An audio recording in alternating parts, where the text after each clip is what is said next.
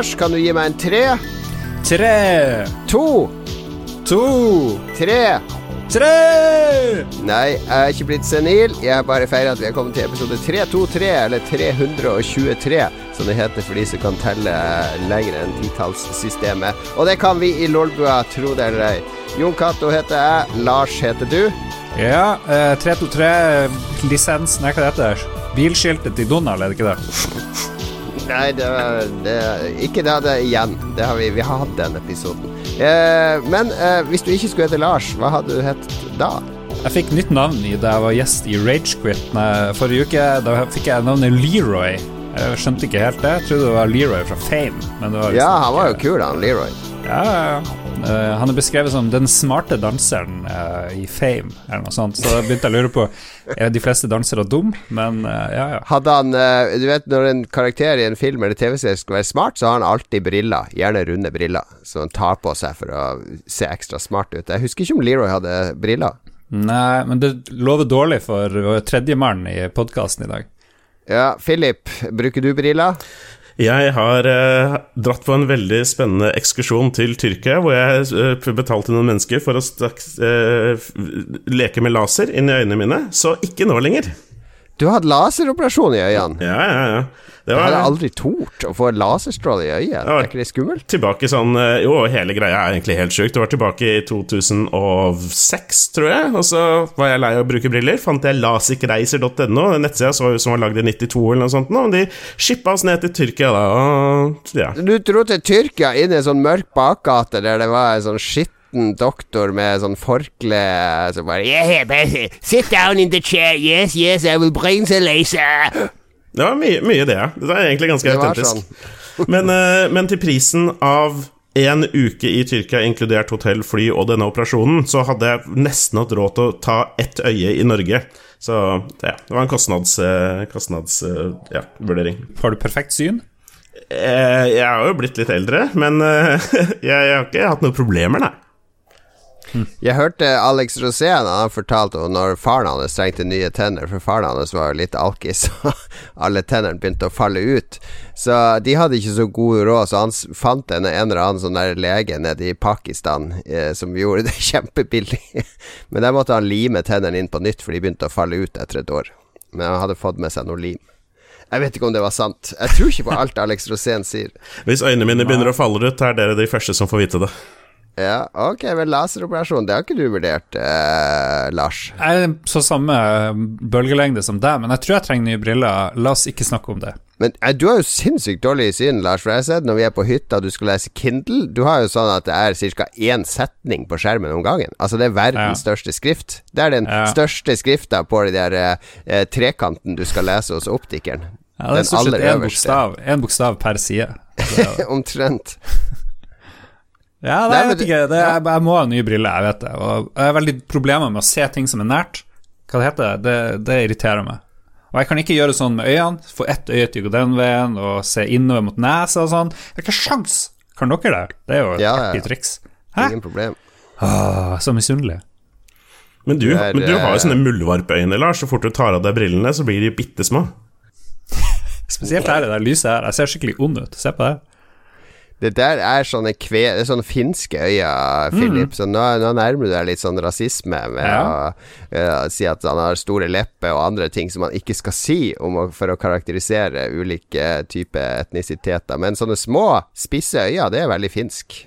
det. I militæret så fikk jeg høre jeg hadde sånne små, stygge sameøyne. Det var det de Ja, tolket det nettopp. Jesus lord. At du drar, drar, drar frem disse dårlige minnene. Jeg beklager, Lars. Takk, Det var en god start på sendinga. Ja, jeg tror vi bare avslutter der, for nå ble det så dårlig stemning. Takk for at du hører på Lolbua og gir oss penger. Nei da. Eh, vi må videre i sendinga, enten det er såre følelser eller kniver som er stukket inn i rygg eller mage fra andre redaksjonsmedlemmer. Vi, vi, the show must go on, som det heter. Hva har skjedd siden sist, eh, Philip? Gratulerer på etterskudd med gebursdag! Eh, ja, det er eh, godt nok på forskudd òg, fordi det er ikke før i morgen, mandag den 14., men vi What feira the hell? Vi feira jo litt i går, da, som dere så på Snapchat. Um, det var gøy. Men hva om, du, hva om du dør i dag, da? Og så har du feira bursdagen din uten at du faktisk noen gang hadde bursdag? Har du tenkt på det? Ja, Da kan jo Gelaré sitte igjen med alle gavene. Ja, det er sant. Ja, du fikk en veldig fin gave fra kjæresten din, så. Å ja, herregud. Det er uh, jeg- Ja, nei. Jeg hadde litt forhåpninger. Sist eh, hun hadde bursdag, så steppa jeg opp kjærestegamet noe veldig mye. Så uh, hun hadde fått lagd en Jeg ønsker meg visseglass, så hun hadde da fått lagd et uh, Jeg fikk en boks, en treboks, uh, med eh, Hvor det var Hva er det det heter når det er inngravert? Eller noe Ja, sånt? gravert treboks. Ja, En gravert treboks med da Philip med F, og gravert inn silhuetten til Claude Strife fra Final Fantasy 7. Og så åpner jeg denne, denne esken, og inne der er det et kjempefint whiskyglass, også gravert på med Claude Strife-silhuetten og Philip med F. Så det var eh, Nei, Ja, det er bra. Det er kvalitet. ja, jeg ah. tror du begynner å kjenne meg litt. Men det var ikke Det Tifa. jo-. Du er vel enda mer glad i Tifa, så der går kanskje grensen. Eh, ja, det er heldigvis ikke noe jeg må sette, sette opp mot hverandre med det helt første. Uh, det helt første Men det, det var veldig artig. Jeg var selvfølgelig ganske nervøs for det faktum at jeg skulle spille en episode nå klokka tolv på søndag. uh, så det har ikke vært så mye søvn, og det er ikke så lenge siden jeg slutta å innta alkohol. Men dette blir nok hyggelig uansett, tenker jeg. Vet du hva, Philip, hvis vi får så mye patrions at vi får inn eh, 50 000 dollar i måneden, så skal vi eh, Da skal vi bruke en del av pengene på at du skal få lov å åpne en eh, Final Fantasy-bar i Oslo. Og så skal du ha sånne drinker som f.eks. Cloud Strife. Det kan være sånn whiskydrink, litt sånn cloudy eh, greier oppi. Og sånn Rørepinnen kan være eh, sverdet, ikke sant? Og ja, hadde ikke en Final Fantasy-bar vært, eh, vært noe å satse på? Jeg hadde gått hit hele tiden, i hvert fall. Ja, Det regner jeg med at dere to også hadde gjort, så det jeg ser det for meg. Jeg har sånne visjoner. Jeg får sånne gode visjoner. Nei, men det blir eh, bra Blir sikkert bra bursdag eh, i morgen òg, da. Ja, jeg liker ikke folk feirer sånn flere dager. Du skal bare feire på dagen, syns jeg. Jeg er litt sånn konservativ. Ja, nei, jeg, jeg har jo skjønt det, for jeg har jo ikke fått noen gave av dere ennå, så jeg skjønner at dere venter til i morgen før det Ja, helt klart. Helt klart. Da skal du få skrotumbilder fra alle i redaksjonen på Snap. Det blir gaven. Ja, nei, det er passende nok. Uh, utover det så har, jeg, så har jeg kjørt litt mer bil. Jeg driver fortsatt og tar denne lappen som jeg har Ja, holdt med ja, noen ja, nå. hvordan går det? Hvordan går det? Det går jo fremover, da. Eh, litt pga. jobben så har jeg litt problemer med å sette av tid til å få tatt teorien, for jeg må bare sette meg ned og lese på det. Eh, men jeg får gjort unna en del annet, og nå til dags så er langkjøringsbiten av lappen Den er delt i to. Eh, en hvor du bare kjører i fem timer, og den den gjorde jeg nå i forrige uke. Det var ganske kjedelig, men ja, det gikk helt fint. Ja. Ja, takk for at du deler. Kjempeinteressant. Men det er liksom, Hvor mye detalj skal jeg gå inn på landeveiskjøringa mi? Det er kanskje, kanskje ikke helt der, men noe som Nei, kanskje hvor var det du kjørte, da? Ja, ja, det var på en vei, og så svingte jeg litt til høyre, og så var det en rundkjøring og sånn. uh, ja, det husker jeg. Men det som er litt nytt, da, fra, fra den tida Du tok kjørte til høyre, var det det du sa? Ja, en rundkjøring, i hvert fall to ganger. Um, det som kanskje er litt nytt fra når dere tok lappen, er at den andre delen av langkjøringa, der blir jeg fortalt to dager før langkjøringa hvor jeg skal, og så må jeg planlegge ruta mi selv. Ja, ja. Da, Med Google Maps, da. ja, det er, jo, det er jo bare det å gå inn på Google Maps og platte inn ruta og prøve å memorere den. Det er jo juks. Ja, Ja, men men, jeg men herregud, det er jo ingen, alle kjører jo med, med kart i bilen. Det Ja, jeg ingen syns du skulle bruke sånne gamle NAF veikart, sånne svære du bretter ut, og så sitter med linjal og blyant og plotter hvor du skal kjøre. Jeg vil se folk kjøre rundt med kompass. Det, det har vært noe. Men åssen er du bak rattet, Philip? For jeg, Hvis jeg skulle sette opp en sånn rangering av verdi i Lolbua-redaksjonen som blir hissigst bak rattet, så tror jeg Mats på topp og du på nummer to, Oi. vil jeg anslå. Ja, jeg, jeg tror du kan hisse deg litt opp hvis du blir litt sånn stressa, noen bryter inn foran deg, så kommer det latinske temperamentet til overflata. Bare What the fuck are you doing? Alt du sier, er helt korrekt uh, om meg som person. Uh, når det kommer til bil, så eh, jeg, jeg har ganske mye ærefrykt for det å kjøre bil. Uh, jeg tar jo denne lappen ganske seint. Jeg føler at liksom At jeg har, ikke, jeg har åpenbart ikke noe erfaring, og det virker som er en greie med bilkjøring. Kjør masse bil, og så bare får du det mye inn i blodet etter hvert. Eh, og det har ikke jeg, så jeg er veldig bevisst på å være rolig, ta det sakte, og helst ikke hisse meg opp så veldig mye i trafikken. Men nå har jeg ikke fått denne lappen ennå, så vi får jo se. Ok, ja, ja, ja. Jeg føler vi må bevege oss videre nå. det er begrensa hva jeg klarer å melke ut av Philips sine eh, øvelseskjøringsvaner. Jeg må bli ferdig med det, så jeg kan slutte å snakke om det. Ja, jeg kan ta meg sjøl. Det har skjedd to ting jeg vil dele. To litt sånn negative ting. Det ene er Jeg driver jo med den morgenjogginga mi ma mandag, onsdag og fredag. Så står jeg opp fem, og så jogger jeg altså en times tid. Eh, syv kilometer. Det tar det 50 minutter ca. Uh, altså så pleier jeg har en sånn fast rute jeg pleier å jogge, uh, der jeg jogger langs vei hele tida. Så den er opplyst av gatelys og sånn, for det er jo ganske mørkt uh, kvart over fem når jeg legger ut. Eh, og så er det jo veldig deilig, for det er jo ingen biler, ingen folk, eh, bare meg og lyden på øret mitt av musikk. Så det koser meg i den der ensomheten, og så blir det lysere og lysere. Så jeg liksom Trene mens dagen gryner. Det anbefaler jeg varmt, altså. Det, det, er den beste tida å trene på. Men så her på fredag så skulle jeg hadde jeg litt dårligere tid, eh, fordi det hadde vært noe sånn Måtte ordne hjemme før jeg dro ut og jogga, noe klærgreier. Så bare ok, jeg må ta den kortere ruta her, en som er bare fem kilometer, der jeg kutter halvveis, men da må jeg jogge gjennom skogen. Det er en sånn lysløype bak her. Og så viser det seg når jeg kommer til den skogen, så er jo ikke de lysene Altså, lysløype er jo fake news, for jeg, jeg trodde det skulle være opplyst døgnet rundt, i, i, hvert fall når det er mørkt, men det var ikke de lysene på, så den skogen var jo veldig mørk. Så tenker jeg ja ja, det går sikkert bra. Så jeg jogger bortover, så klarer jeg selvfølgelig å snuble i en sånn stein som stikker opp her, og så tar jeg perfekt fra judotreninga, en sånn derre lander på sida og ruller rundt i en sånn koldbøtte. Og så er jeg sikker på at jeg merker noe som forsvinner ut av lomma mi, bukselomma, mens jeg ruller to ganger der. Uh, får litt skramme her og der på skuldra, blør litt på kneet, men ikke noen sånn alvorlige skader. Men jeg kjenner i lomma at den der uh, AirPods-dekselet er borte. Det er som de to AirPods-greiene som jeg har i øra, ikke er der. Så er det jo bekmørkt, så begynner jeg å lyse med mobilen, med det lommelykt, og begynner å leite i, i sivet. Eh, eller hva det heter Gresstråa og bladene og busken ved sida av stien der jeg har rulla holder på et kvarter og leter etter helsikes deksel, så bare Nei, fuck it, nå gir jeg opp. Så da, da, går jeg videre hjem, for da er litt sånn øm her og der, litt vondt i ribbeina og sånn. Og så kommer jeg hjem, og så ligger jo det dekselet hjemme, for jeg hadde jo bare tatt airpodsene ut og tatt de på meg. Så det var litt sånn ja, men ja. Når du sier deksel, det er et etui, er det det du mener? Ja, det er etuiet som du ja. lader de to eh, AirPods-ørepluggene mm. uh, i. Okay. Så he, da heldigvis Da ble jeg så glad, så da gjorde det ikke noe at jeg hadde falt. Så jeg er litt sånn øm ennå etter det fallet. Nå vet jeg at jeg ikke skal ta den skogsløypa på morgenen. Og det andre jeg har lyst til å dele, det er at jeg tok For en gangs skyld så skulle jeg ta en anbefaling fra Lars. Jeg bruker aldri å følge hans anbefaling i spalten. Tenker, ja, World's Toughest Race, ja, nå skal jeg sjekke ut den. Herregud, for en dritserie! Jeg ble så provosert! Det er en sånn serie på Amazon Prime der det er Bear Grill som driver og flyr rundt i sånne helikopter. The extremely dangerous! Og så er det masse 460 sånne lag som skal løpe om kapp over en sånn øy. Og det syns jeg er kjempekult. Ja, ja, Fiji. Echo Challenge, eller hva det heter. Det er ja. kult. Problemet er bare at det er, et, det er ti kule lag. Det er de som reiser. De er fra New Zealand. Det er de harde hardbarka menn og kvinner som virkelig gir en innsats. Altså bare, det er ikke noe syting, det er ikke noe klaging.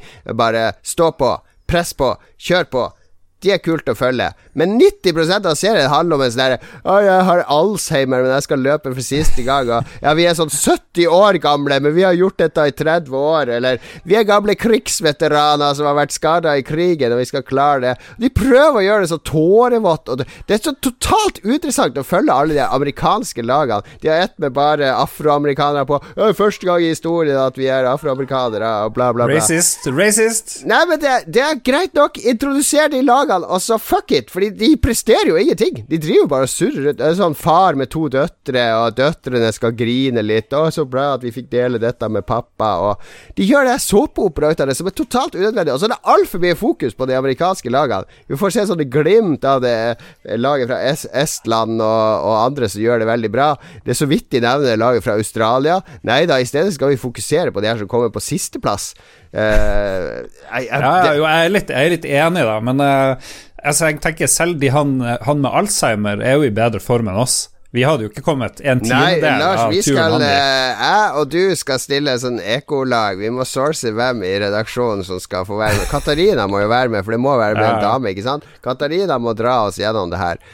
Så må vi finne ut hvem siste person skal være som skal være med på vårt ekolag. Jeg tror ikke vi har råd til det. Jeg tror, vi må få, jeg tror det er ganske dyrt å være med, for du må vel stille Ja, med utstyr og sånn sjøl. Ja, Ja, det er jo helt vilt. med både det og den Final Fantasy-baren, så trenger vi flere patrons. Det er ikke noe å spare på. Ja, vi trenger det. Men jeg syns løpet var kult, og hele den løypa, og følge de beste. Men to, det er to episoder igjen når det Jeg skal ikke si hvem som vant når vinnerlaget går i mål, og de beste. Og da gadd ikke jeg å se mer, for da vet jeg at de siste episodene Det er bare sutring og grining med alle disse som Ja, vi gjorde vårt beste, og vi fikk en opplevelse for livet, og folket på denne øya er så Det er så flotte mennesker på denne øya! Ah, Jeg vet ikke, det, er en helt, det er en helt grei avgjørelse, men jeg vil si det er, det er, det er et spennende univers de lever i, og en verden jeg aldri har hørt om. Tenk det er folk som bruker jeg tror det var elleve dager som var liksom cutoff, da, da er løpet ferdig, og så Ja. reiser de 65 mil eller noe sånt med padling. Ja. De går gjennom De må svømme gjennom de kaldeste elvene, ikke sant, og de Ja, holder jo på å daue, mange av de folkene. Det er helt sykt at det er lov, Det var brutale greier. Og det var bra. Da koser jeg meg når jeg ser folk gjennomgår sånne brutale ting. Det er definitivt et hakk over 71 grader nord. Det er. Ja. Ja. Nei, for Jeg hørte jo denne, denne anbefalingen forrige episode, og klok av skade så har jeg jo selvfølgelig ikke tatt Lars sin eh, anbefaling og faktisk sett på den. Men, men det hørtes i hvert fall litt spennende ut. Men jeg som sagt trodde at det skulle være veldig fokus på racet, for det høres jo gøy ut. Men det at Ja. vinneren kåres to episoder før sesongen er ferdig, det høres veldig sært ut.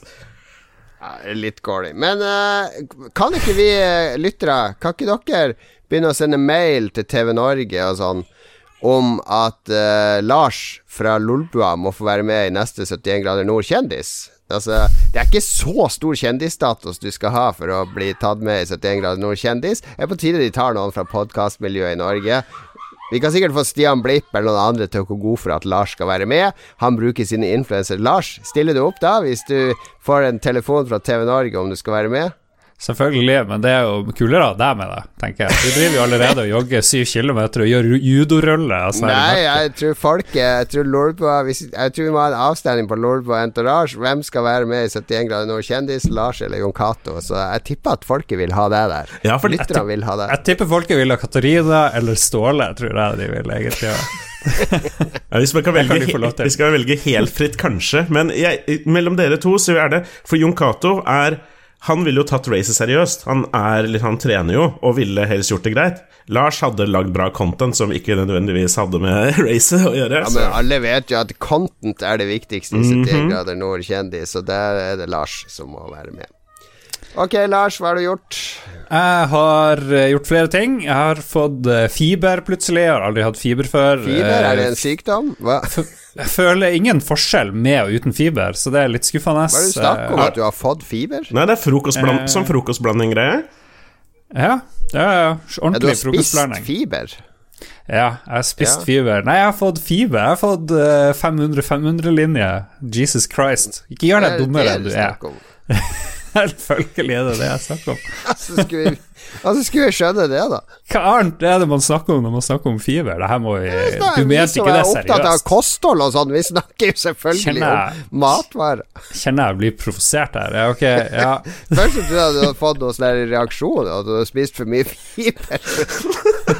Du har fått fiberintoleranse.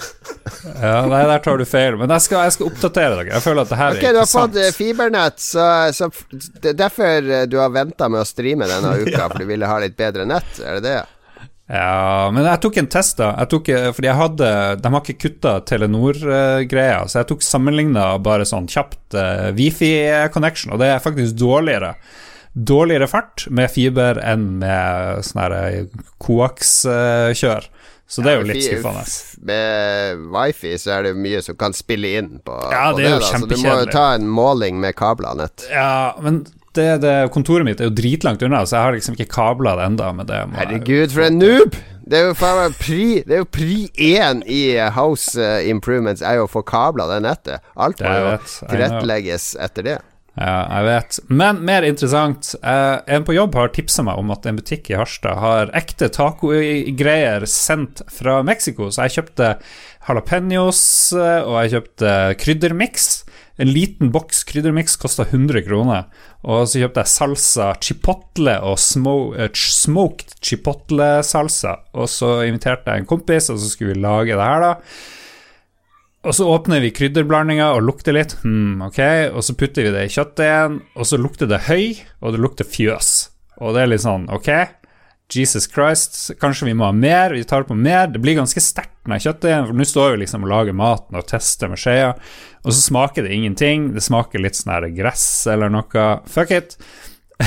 Vi har vært selvfølgelig lur. Vi har Santa Maria Tex-Mex-ingredienser stående i backup, så vi tar en pose Santa Maria, greit nok, semiautentisk, og, og så peiser vi på. Jeg er litt skuffa. Og det ender jo opp med at vi bare lager vanlig norsk taco. Uh, Nå skal det sies at den der uh, chipotle, smoked chipotle-greia var jævlig god, da. Så den, den gjorde liksom tingen. Men jeg er overbevist om at Santa Maria og det her klassiske tacogreiene er suverent mye bedre enn vanlig sånn meksikansk. Det, de lager greia der du, nede. eh, Hva var det het for noe? Uh, den her den salt Jeg vet ikke hva merket heter. Det, jeg kan gå ut på kjøkkenet og finne glassene. Luchito?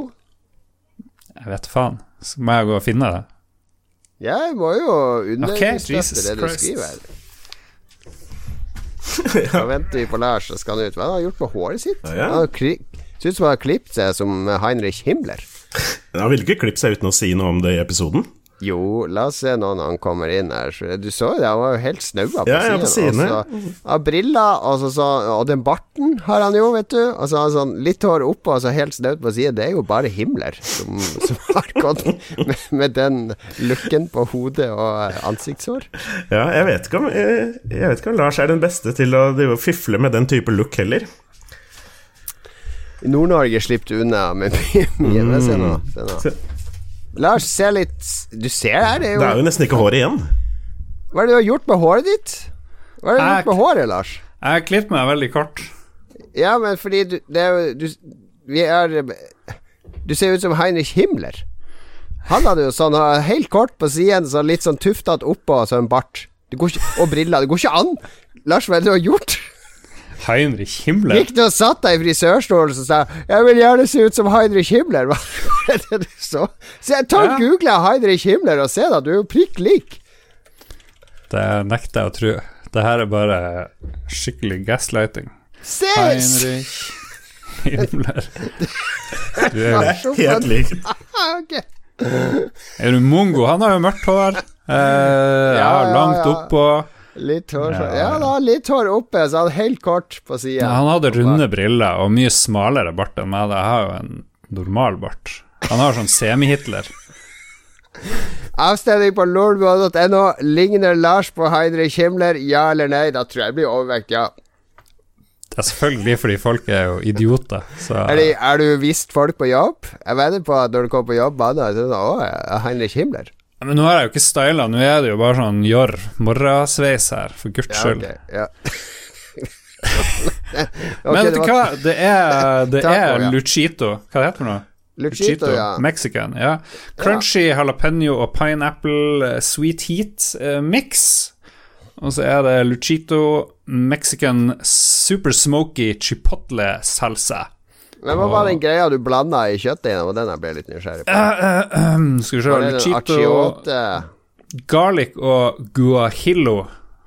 uh, fajita og tacomix. 100 kroner for en liten boks.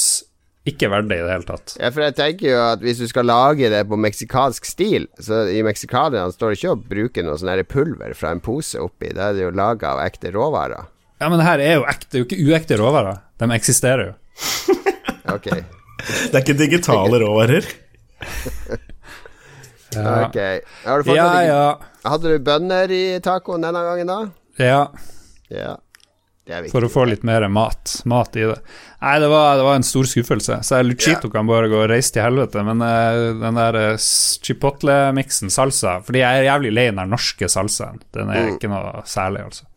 Er det her litt fordi at du sa at du var fra Lolbua sånn i den butikken som hadde det, og så fikk du det ikke gratis, så nå skal du hevne deg Det her har vi snakka på forhånd. Skulle ikke nevne det at jeg hele tida sier at jeg er fra Lolbua og vil ha gratisting. Du lover å skryte av det på podkasten og sånn.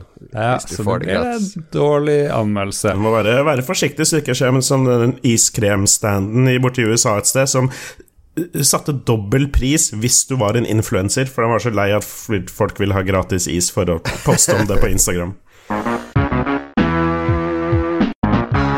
Da skal vi snakke om hva vi har spilt siden sist. Jeg ser Philip sitte og kose seg med en Urge. Er det din sånn go to eh, dagen derpå-drikke, Philip? Uh, jeg var litt ute av meg selv i forhold til hva jeg skulle finne på å drikke for å prøve å komme opp på dårlig nivå, så jeg kjøpte en Urge, jeg kjøpte en Cola, og jeg kjøpte en Red Bull. Jeg starta med Urgen. Den glir rett ned. Masse fint sukker. Bra, bra, bra. Eh, hva har vi spilt siden sist? Er det det skal handle om nå? Altså om vi har eh, prøvd noen nye spill, eller hatt noen spillopplevelser som er verdt å dele. Og eh, Philip, det her har jeg sett i vår Discord, som er superpopulær. Jeg tror vi er over 600 medlemmer nå. Det er masse liv på Discord for tida. Jeg tror aldri jeg har sett en så aktiv Discord noen gang. Det er bedre enn noensinne. Det blir jo boosta masse ting. Nå har vi høy kvalitet og masse kule ikoner og alt mulig. Ja, nei, så kom dere inn på Discord hvis dere er der, for da kan dere ha Lolbua og Ragequit så å si 24 timer i døgnet, for der, eh, der skjer det ting eh, konstant. Uh, men nok om Discord. Jeg har sett på Discord, Philip, at du sitter og spiller World of Warcraft. Er du tilbake på heroinkjøret igjen? Ja, egentlig så kan vi, kan, vi kan i stor grad bare klippe ut ca. ti minutter at du snakker om World of Warcraft fra forrige episode, og det er meg nå.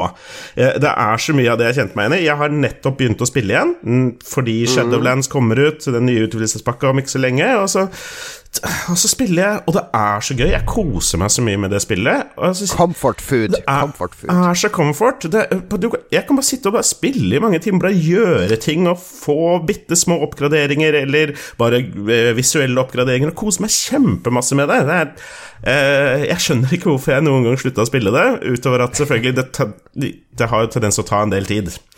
Ja. Gjør det. Nei, men så lenge man koser seg med heroin i ny og ne, så er det ikke noe farlig. Så, så, så, så lenge du ikke trenger heroin for å ha det gøy, det er da, da det går for langt. Det blir koselig, det. Men du, har også, du hadde en kjempebra stream her om dagen med et sånn nytt spill som kom ut fra ingen sted, som plutselig har blitt veldig poppis på Twitch.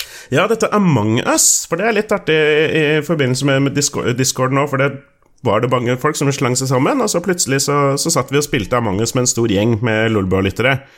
Um, et veldig artig lite spill til 37 kroner på Steam. Um, det er et sånn type Who Has Done It-spill, men eh, Som forræder, Uh. Finn forræderen. ja, eh, og de er det noen eh, en del av der ute. Eh, Jeg har spilt en del av de med et, med et annet community, men dette med Among us er veldig enkelt, veldig simpelt, ehm, og har noen sånn veldig enkle bare regler om å, når du kan prate og når du ikke kan prate, som, som gjør det veldig artig. Det er, eh, det er ve veldig artig lite, lite spill å spille, spesielt med, med en liten gjeng.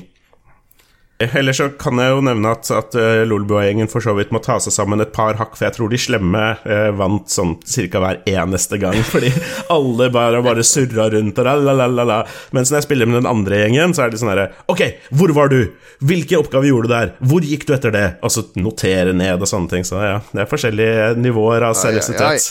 Jeg hadde lyst til å nevne en, en ting av World of Warcraft, fordi eh, som du nevnte forrige uke, eller eh, Jon Cato, om hvordan du hadde Du tenkte at du kanskje hadde en tendens til å spille det når du hadde utfordringer andre steder i livet.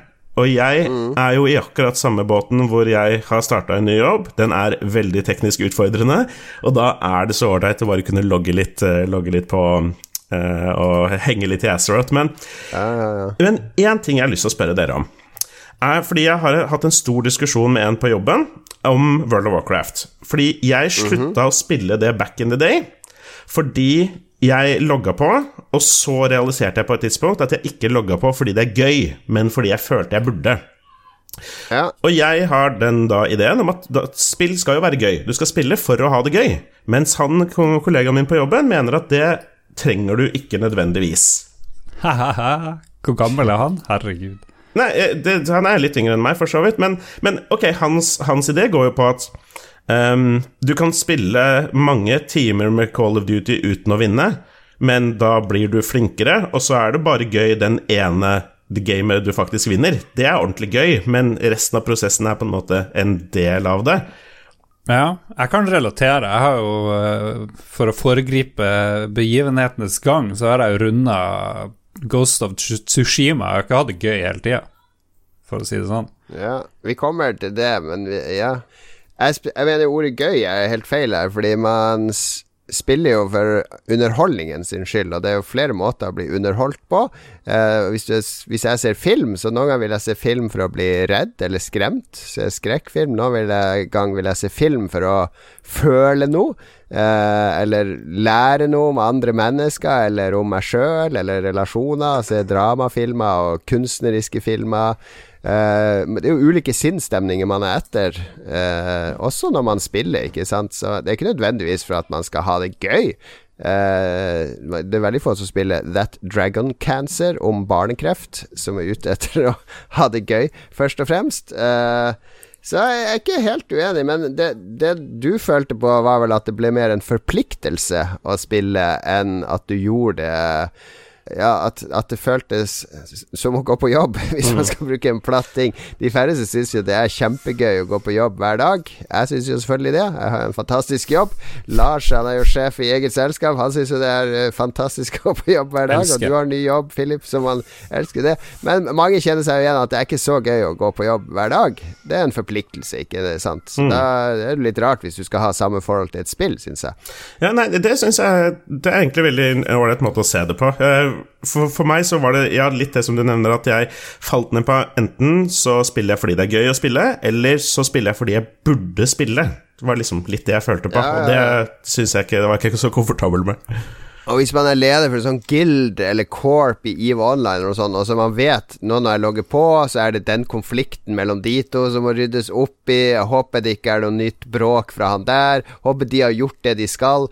Åh, det, det, jeg, jeg, kunne aldri tenkt meg å spille, spille spill på den måten, ikke sant, med masse sånn administrative ting du skal løse, og, og personalkonflikter i gilden. Ja, fordi... hvem, er, er HMS-ansvarlig i denne gilden? Hvor er uh, HR-avdelingen? Ja, jeg har jo raida mye og vært offiser og sånne ting, og da er det mye av den type administrative ting. Um, ja. og, og, jeg har jo ikke hatt mest av det engang, for jeg har liksom ikke vært sjef eller leder, men Eh, og da er det jo i hvert fall til liksom, du logger på Og dette er jo ikke gøy å drive med, ja, ja. men det er noe du gjør for å kunne sørge for at raidergruppa di får suksess, på en måte. Så ja, ja. ja. Kan være gøy. Altså, det er jo det sosiale som drar, mm. drar folk tilbake i sånne spill. Eh, så ja. Jeg, jeg er ikke så svart-hvitt, men skjønner, vi skjønner godt hva du mener. Lars, hva var det du, du nevnte Ghost of Tsushima her, så jeg går ut fra at du skal snakke om det. Du har endelig runda det? Ja, jeg runda det endelig. Jeg har holdt på siden launch, siden før, før launch, så har jeg sittet og vært samurai. Det var en interessant reise gjennom Japan. Jeg syns jo det er et fantastisk vakkert uh, spill. Noen syns det er litt kjedelig og platt. Grafikken det er litt sånn det er delt hva, hva folk syns om, om utseendet der. Det er en liten interessant diskusjon, diskusjon i seg sjøl, men min, når det gjelder å ha det gøy, så, så er jeg jo en av de som må, må gjøre alt. Det skal jævlig mye til for at jeg bare Ok, jeg ser det er 20 side missions her, jeg bare går for main mission og knuser på, men jeg måtte gjøre det til slutt. For jeg fant ut ok, til denne sendinga her skal jeg ha fullført det. Så jeg satt til ett-to i natt, spilte store deler i går. Tenkte nå skal jeg faen meg bli ferdig, så jeg liksom får det ut av systemet. Mm, mm, mm. Og eh, det ble jo selvfølgelig kjempegøy med en gang jeg begynte på story missions. Eh, det, det, er, det er en jævlig kul historie mot slutten der. Det handler om ære, det handler om forpliktelser, ja. familie og alt det der. Kjempespennende tema. Men de har pepra spillet med ganske mye side missions som er drit, eh, og som bare er sånn Ja, ok, nå kan jeg samle inn masse rustninger, f.eks. Det kan du òg gjøre, og det er ikke noe vits. Bare glem de der rustningene. Hot tip. Noen side missions var kule. Plutselig havna jeg hjemme på hjemgården, der han Jin Sakai er fra, er vel hovedperson. Og så fant jeg uh, ei sånn gammel tante, sånn filletantedame som har oppdratt deg mye sammen med faren din, da, eller onkelen din, fordi foreldrene dine døde. Mm. Og du får et fantastisk side mission med å være Juriko, uh, som du ikke må gjøre, men jeg anbefaler det veldig, for da drar du rundt. Hun er blitt litt senil, hun har lyst til å ri rundt i skogen, plutselig tror hun at du er onkelen din. Veldig rørende, uh, veldig flott. Og akkurat da kjente jeg faen, det her var jo jævlig gøy. Det her ga meg noe. Eller det var ikke gøy, men det ga meg noe, en grunn til å spille, og jeg følte med henne, jeg syntes synd på henne, jeg hadde lyst til å vite hvordan det gikk med henne, osv. Så, videre. så det, ja. da, da, kjente jeg sånn vil jeg at spillet skal være, men det er bare sånn 10% av Ghost of Tsushima-missionene er er sånn. De fleste, de mest, fleste missionene er du møter noen i et veikryss, det er noen banditter et eller annet sted, de har kidnappa dattera mi eller noe sånt, uh, uten noe særlig innlevelse i det. Og det, det, irriterer meg. Det irriterer meg at det er sånn. Så jeg skulle ønske at de hadde gjort mer ut av de her ulike missionene, men spillet er jævlig svært. Det er ja, kjempesvært. Det er og så Ja, skulle du si noe? Nei, altså, det er ikke så stort team som har laga det. Det er det som er imponerende her. For det er ikke sånn 350 personer som Naughty Dog. Eh, det er et ganske strømlinjeforma lite team. Så de har måttet ta designavgjørelser på alle disse tingene for å klare i det hele tatt å lage det. Så sånn mm. der Missional er jo noe av det som har lidd, fordi de er ganske generiske, mange av de. Uh, men de er givende nok, syns jeg, da. Fordi de er så fokusert, og ja, de er fort gjort, og det er, ikke, det er, ikke, så mye dødtid. Og de har unngått Det er så mye quality of life-ting her, bare det med at hvis du skal følge etter en karakter i alle andre sånn åpen verdensspill er det det verste som fins. For den karakteren skal jo drive og gå i sånn vanlig tempo. Så må du Åh, jeg kan ikke holde inn løpeknappen her. Jeg må drive og spasere mens du hører på Å, så min gamle onkel, ja, det var her han hadde sin smie i gamle dager Og så går det sånn tre minutter med å lytte til han, så kommer det endelig litt action. Men her skal du bare hoppe på hesten. Alle sånne NPC-er skal lede deg til noe sted. Du kan bare hoppe på hesten og så galoppere med de dit. Det er nesten aldri sånne oppdrag som krever at du At mm. tempoet ditt blir holdt igjen, som er ja. briljant. Det er ingen andre åpne verdensspill som har det sånn. Ja, nei, Det er mye quality of life, men nå har jo ikke du kommet uh, Du har sikkert halve spillet igjen, uh, i hvert fall 20 timer igjen, eller noe sånt helt crazy. Så det begynner å bli litt mye revehi her og der. Så skal du følge de her fuckings revene i fem minutter gjennom skogen, og det begynner å, det begynte å gå meg virkelig på nervene. Jeg har frigjort uh, alle landsbyene på Sørhalvøya. Absolutt alle der har jeg frigjort. og funnet alle revehi på Sørhalvøya, og halvparten på Nordhalvøya og sånn, så jeg har spilt mer enn du tror. Ok, du har spilt spilt mer enn jeg tror. Greit nok. Ja. Uh, ja. Um, og så vil jeg trekke frem to liksom, spesielle ting. Jeg satt og spilte det her mye med Lolbua-legen Kien i går. Og han provoserte seg skikkelig på at jeg hadde norsk tekst på, fordi du må vel sikkert endre ja, Du må sikkert endre i systemmenyene for å liksom, gjøre hele maskinen din engelsk. Alltid på norsk tekst. Ja, og vi var veldig uenige der, fordi han mente at det, det tok han ut. Det ødela hans innlevelse i spillet at teksten var på norsk, fordi han var så vant til å spille spill på engelsk. Oh, ja. Da så ble det en ganske Når Kian er på kino og ser en engelsk film, så du sitter her Kan dere slå av teksten?! Det ødelegger filmen for meg! Jeg vil ikke se Star Wars med tekst! er det sånn han sitter? Eller klarer han det? Klarer han å leve seg inn i film på kino med norsk tekst? Eh, ja, det er vel så vidt, men han er jo halvt uh, irsk, uh, ish uh, mora. Kan dere slå på den irske teksten?! så han, han, er ganske flink i engelsk, uh, ifølge han sjøl, men, men drev og, vi drev jo etter hvert og leste opp all teksten med sånn Harald Mæhle-greier, fordi det litt Det blir jo litt komisk. Følg etter meg nå, unge samurai, kom hit!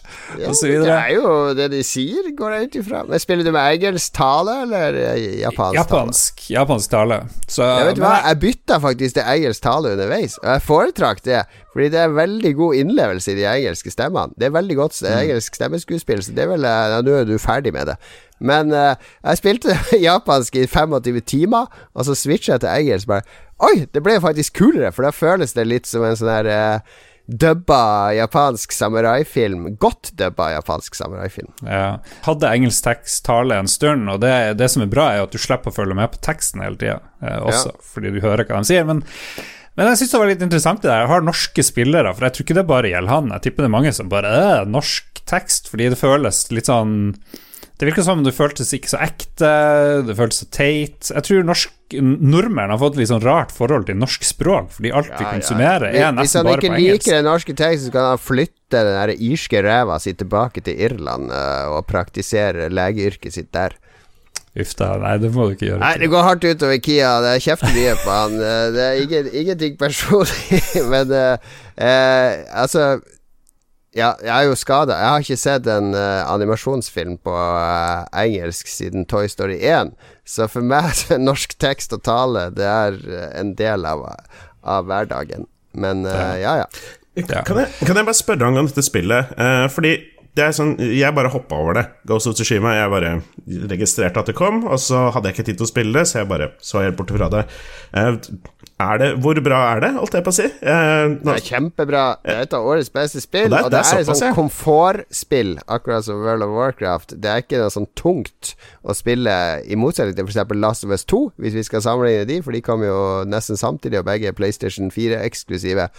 Men Last of Us 2 er veldig sånn tiltak å spille. Det er tung tematikk, og det er masse tunge systemer. og litt sånn uh, Jeg må motivere meg litt for å spille videre der. Mens Ghost of Tsushima er bare et sånt spill du kan forsvinne inn i den vakre verden. Og bare seile bortover gressengen og gjøre sånn småmission her og der. Og ha litt progression på storyen og oppgradere litt utstyr. Og jeg, jeg koste meg skikkelig med det i sommer. Du kan ikke, du kan ikke lov fra nå av å si progression på story. Det går ikke progresjon på historien.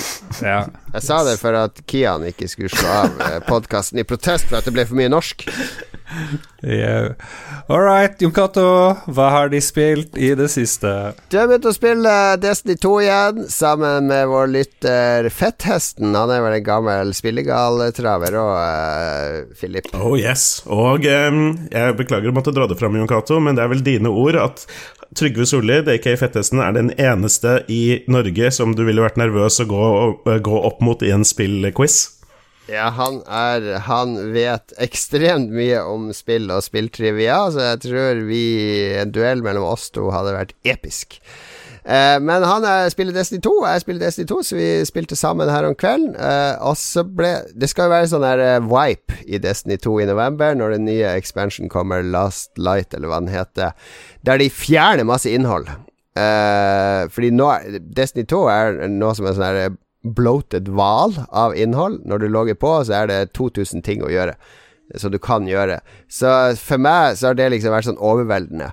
Eh, så nå skal de liksom fokusere det ned, og kanskje ha mer sånn åpne og lukke ting underveis. Og, og det tror jeg kan bli ganske bra for Destiny. Eh, så, men akkurat nå så bare driver jeg og advanser i light level, eller power level, eller hva de kaller det nå. Uh, grinde nytt gear, masse quests og oppdrag å ta. Det er Iron Banner denne helga. Uh, det er bare kosespilling. Uh, avslapping. kjøre smooth og pent på PC. Masse ting jeg ikke skjønner noe av. Masse sånne nye events og ting som har dukka opp, og, og, og drit og lort. Men nei, jeg, jeg er tilbake på kosespillinga i Destiny, rett og slett. Jeg tror jeg kan skjønne at de skjærer ned, for det var jo et av mine problemer med Destiny 2 etter hvert. Fordi jeg spilte jo Destiny 1 kjempemye, og litt av grunnen der var kanskje at det var ganske begrensa ting å gjøre. Ja, ja, ja. Nei, det blir spennende å se når expansion kommer. Og Hvis det er andre Lolbua-lyttere som driver og snuser på kanskje komme tilbake til Destiny 2, eller prøve Destiny 2 på PC, så vi har en klan. Og hvis det er flere som vil være med, så er det åpent for nye medlemmer å spille sammen med meg. og Fettesten og andre som eventuelt dukker opp. Um, og så har jeg spilt, uh, som jeg sa det forrige uke, nå har jeg fått spilt litt Crusader Kings 3. Ja, det ja. Du skulle jo ikke spille det. Det var jo sånn du skulle ønske du hadde tid til å spille, men det ja, kom men ikke til å gjøre det. Jeg, jeg har fått meg et par OK sessions i det spillet, og det er kjempeartig. Uh, det er også Det er litt sånn tiltak, fordi du, det er så mye tekst og pop-up-vinduer med folk som du skal influense eller spionere på, eller erklære krig mot. Uh, og det er, ikke, det er ikke så mye micromanagement som jeg hadde frykta, men det er liksom nok av sånne stats og ting å holde styr på for å Altså, det er ikke nødvendig heller, du kan bare være en drittsekk og, og være frekk mot alle og prøve å assassinere folk og erklære krig og bare peise på. Uh, man må liksom passe på at man har arvtakere og folk til å ta over riket ditt og, og inngå de riktige alliansene og gifte bort folk. Og det blir bare en eneste svær såpeopera. Men så kommer det mye morsomme historier ut av det, da. Så, så ja. Uh, det er definitivt et spill jeg kommer til å spille mer, men man må være litt sånn i riktig sinnsstemning. Det er ikke så mye visuelt pleasing der. Uh, det er mer sånn humring over ting som skjer, eller folk som dør eller blir drept, eller allianser som oppstår, og, og sånt. Mm. Er det et spill som egner seg til streaming? Uh, Jeg vil ikke si det, altså. Det, er, Nei, det det høres ikke helt sånn ut. i Å prate og spekulere. Og, og hvis du klukler mye for deg sjøl, så tror jeg det blir bra. Men okay. jeg er litt sånn Jeg har aldri spilt noe Crusader Kings. Eh, Jeg syns det virker litt sånn eh, eh, At det er litt terskel. Litt sånn Europa Universalis-aktig. Nesten litt sånn Ok, skal jeg sette meg inn i Ja. alt dette her? Nei, det er, det er ikke så ille. Det er, det er bare en, masse Det er en bra tutorial der du er i Irland og skal prøve å forene Irland, som er ganske grei å guide deg gjennom alt. Men det er litt sånn der komplisert med at det er liksom en sånn konge, og som har sånne vasaller under seg, som, og så er det folk under de igjen, og så er det folk helt nederst, sånne baroner. Så det blir sånne veldig kompliserte maktstrukturer av de områdene. Eh, Så litt sånn der knot å finne ut hvem hva er det jeg egentlig skal gjøre for å ta det området her. Ok, jeg må Hvis jeg blir, inngår en allianse med han, så han får en plass i styret, i, i regjeringa og sånn, så kanskje at de kan Det er ikke sånn at du skal ta alt med hærene dine. Du skal også vinne ting med innflytelse, eller få kirka i ryggen, eller andre, andre støttespillere. Så det er jo det som er litt komplisert å finne ut av, men det er, det er ikke så vanskelig som jeg hadde frykta. Du har jo sånn to timers refund. Du får jo bra inntrykk etter halvannen time, så jeg ville jo absolutt kjøpt det på Steam og prøvd det, og så kan man vurdere sjøl etter halvannen time. Så jeg trenger ikke å si det så mye om det siste, men jeg kjøpte en bok Uh. Som ser sånn her ut. Oi. Den er Oi, oi, oi. den er helt gigantisk. Det er en Monster Hunter World, The Official Complete Works. Så jeg så han postene på Twitter, så syntes jeg den så så kul ut. For jeg er veldig glad i estetikken i Monster Hunter World og, og hele den verden, og hvordan de har bygd opp verden. Så jeg kjøpte den, og da måtte jeg spille Monster Hunter World på nytt. Uh, inn i Iceborne uh, Expansion, som er den Ja, den avsluttes vel nå i oktober, uh, siste eventet der. Så det blir spennende å se hva som skjer etter det. Eh, og det var kjempegøy å spille Monster of the World med den der boka ved siden av, så jeg kan bla opp på alle områder og fiender og folk, og det er masse sånne detaljer om det. Det er ikke en guidebok, det er mer en sånn art, blanding av artbok og guidebok, men det ga meg i hvert fall fornya uh, giv til å komme meg inn i Monster Hunter World igjen.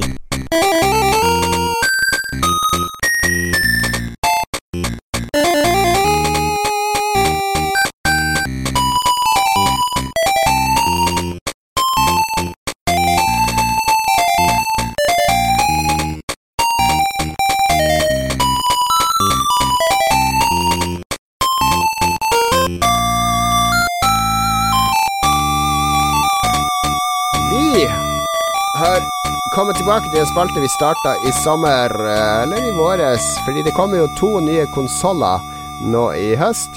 Eh, Xbox One Series X. Jeg må bare passe på at jeg ikke aktiverer Siri. Og, og, og så kommer det PlayStation 5. Eh, kanskje kommer PlayStation 5 her i Norge, Europa. Det vet vi ikke helt ennå, for det er noen rykter om at det kanskje blir sånn staggered launch. Eh, vi får se. Men de kommer, og da fant vi ut La oss gå gjennom alle de konsollene som har vært før disse. Altså en, en uh, oppsummering av hvordan de tidligere generasjonene innenfor uh, disse konsollfamiliene har gjort det. Uh, hvilke markeder de ble lansert i, hvilke spill som kom, som var med å definere spillbransjen, osv., osv. Og vi har tidligere gått gjennom PlayStation 1. PlayStation 2 og den første Xboxen. Så nå har turen kommet til Xbox 3,5 Tress, som den heter i Danmark. Yeah, baby. Xbox 360. En av mine favorittkonsoller. Husker du året alert. denne ble lansert, eh, Lars? Den ble lansert i 2005, det samme året som YouTube ble lansert. eh, den aller første YouTube-videoen, Me at the Zoo, eller noe sånt het den, eh, ble lasta opp i 2005. Det var også året da Hellas vant Eurovision med låten My Number One. Det som jeg husker veldig godt fra det året, var fire selvmordsbombere i London som eh, eh, sprengte seg på kollektivtrafikk, bl.a. på en buss som ble helt revna i, i toppen. Eh, som gjorde sterkt inntrykk på meg. En annen viktig hendelse var jo at Jyllandsposten trykka de beryktede Mohammed-tegningene, som utløste en skittstorm som vi fortsatt føler, føler konsekvensene av nå i dag. Uh, rettssaken mot Saddam Hussein starta dette året. Det gikk vel ikke så bra for Hussein, hvis jeg husker rett. Han endte jo opp med å bli hengt. Ja, Han skulle, ha, Han ha, skulle sendt ned elden eh, eller noe sånt, og han hadde jo fått uh, Saddam av kroken. du Du vet at du er skyldig, da har du Elden som advokat. ja. Så var det også dette året at jo Angela Merkel ble forbudskansler i Tyskland. Eh, det, hun har gjort en eh, formidabel jobb eh, der nede, det må jeg si. Dette var, Sverre Magnus to- ble født. det var 2005, og hun sitter fortsatt. I, oh yes. Ja, det er solid. Ja. Sverre Magnus ble født. eh, vår kommende konge er han vel? Eller er det Ja. hun Ingrid Alexandra som blir Jo. konge? Er det, nei, hun blir dronning, da, men Jeg tror hun blir, blir ikke hun dronning. Det her må vi jo finne ut. eh, Med mindre. Sverre Magnus forgifter storesøstera si. Det er jo sånn, det, sånn, så, sånn skjer i Crusader Kings hele tida. For å drepe storebror for å få være den neste i arverekka osv. Ja, vi må holde Sverre Magnus borte fra dataspill, åpenbart. Han må ikke spille Crusader Kings. Vi Ja. anbefaler det ikke til deg, Sverre Magnus. Tenk hvis Sverre Magnus hører Kronprins, på Kronprins Haakon blir jo konge før, eh, og så blir prinsesse Ingrid Alexandra okay. dronning. Ja. Ok. Ja, ok. Det er bra du sjekker opp. Tror du Sverre Magnus hører på Lolbua? Det hadde vært litt kult, da. Hallo, Sverre. Lille Sverre. Hvis jeg hadde vært Sverre Magnus, så hadde jeg hørt på Lolbua. Noe artig skjedde, nemlig 31. desember klokka 23.59. Eh, 59, så la de til et ekstra sekund på alle klokken. Det fucka opp alt. Ja, av og til, sånn hvert 20. år cirka, så legges det til et sekund. Det er det eneste gangen man får 60, og så blir det 0-0. Hm. Det er fordi Spennende. verden er uh, ikke perfekt. Den er Lovecraft hadde rett hele tida. Verden er bare kaos. Til og med klokken klarer ikke å skjønne hvordan de skal fungere, så av og til må vi legge til et sekund, så klokken skal gå riktig. Kan det hjelpe speedrunnere eller de som prøver å gjøre sånne ting? Plutselig så har du ett sekund ekstra på Mario-level. du får jo ett sekund mer som blir brukt. Ja. Eller Ja. Herregud, så du skal komplisere det. La oss gå til Xbox eh, 360, for den ble lansert i uh, november og desember 2005. Uh, november i USA og desember i Europa og uh, deler av resten av verden. Eh, og dette var jo en formidabel konkurranse mellom PlayStation og Xbox nå. Uh, PlayStation 2 kan vi jo si hadde salgsseieren over Xbox. Xbox ble i stor grad latterliggjort av eh, mange. For det var liksom Microsoft, store, tunge Microsoft, som skulle komme på banen og lage en spillkonsoll. Som var en diger klump med en diger klumpete kontroller og en masse PC-spill som liksom skulle kjøre som konsollspill. Det de hadde som var mye bedre enn PlayStation, var jo Xbox Live. Microsoft skjønte dette med at online er fremtiden, og spillere vil være på nett, de vil vise seg fram, de vil være i gruppe med vennene sine, de vil dele opplevelser. Så man kan liksom si at Xbox var som en slags prototype test for Microsoft, og så satsa de for fullt med Xbox 360. Da tok de fram alle kanonene, da var det no holds barred, og da lanserte de en helt fantastisk konsoll, eller hva sier dere? Jeg, jeg tror ikke jeg tok maskinen på alvor før etter en stund, da jeg liksom sammenligna med PlayStation 3 og så at det her er jo den beste maskinen jeg har hatt, og det er kanskje den beste maskinen jeg har hatt. Punktum. Mm. Ja, jeg var, eh, jeg var veldig skeptisk. Eh, Jeg jobba i GameStop på denne tida, jeg husker vi fikk de inn og sånne ting. Og jeg syns navnet var så sjukt teit, og jeg syns original Xboxen var så utrolig dust. Og, og jeg er PlayStation-fanboy, både PlayStation 1 og 2, um, selvfølgelig. Og men, men så fikk jeg den kontrollen i hendene, og så fikk jeg lekt litt med den, og den 360-kontrolleren kontrolleren er jo den er jo helt formidabel, og spesielt da sammenligna med PlayStation 3 sin DualShock, den der lille Nei, nei ja. var absolutt bedre. Og, og Sony droppa jo ballen med PlayStation 3. Eh, de lot jo fortsatt den litt sånn smågale Ken Kutaragi eh, bestemme at her skulle det være selvarkitektur, og det skulle være det ene eh, mer knotete enn det andre. Så der Xbox 360 ble en liksom eh, grei konsoll å utvikle spill til, så ble PlayStation 3 en sånn der eh, sær konsoll der alle porteringer av spill måtte basically lages på nytt og tilpasses eh, Sony sin sære konsoll, som i, ikke skaper veldig mye goodwill hos tredjepartsutviklere. Jeg husker Noe av det jeg reagerte mest på, det var at det var så lett å ha kontakt med venner. Det var så lett å få venner. Du kunne mm. lage avatarer så du så ut som deg sjøl. Fordi eh, frem til da så hadde vi jo ikke Jeg hadde i hvert fall ikke hatt noen sånn brukt online-ting til PlayStation 2 og, og, vanlig Xbox som vel fantes på en sånn veldig begrensa måte. Men nå så åpna verden seg på et vis, og så kom den der marketplacen som gjorde det kjempelett å laste ned spill. Ja, Xbox Live var en integrert del av eh, systemet som kjørte. Så det var dedikerte ressurser som tok seg av det i bunnen hele tida. Det der eh, nettkommunikasjon og alt det. Mens for PlayStation så var det en etterpåtanke, så det måtte man liksom implementere på egen hånd i spillene sine. Det var ikke bare et system som du kunne eh, plugge spillet ditt inn i, som det var på Xbox. Og det var kanskje det aller største fordelen Xbox hadde over PlayStation. At online-integrasjonen var så enkelt. Det var ja. altså så, så, En annen ting de innførte òg, var jo achievements, som skulle vise seg ja. å bli på godt og vondt uh, en meget populært insentiv for mange spillere å spille spill mer, og på andre måter.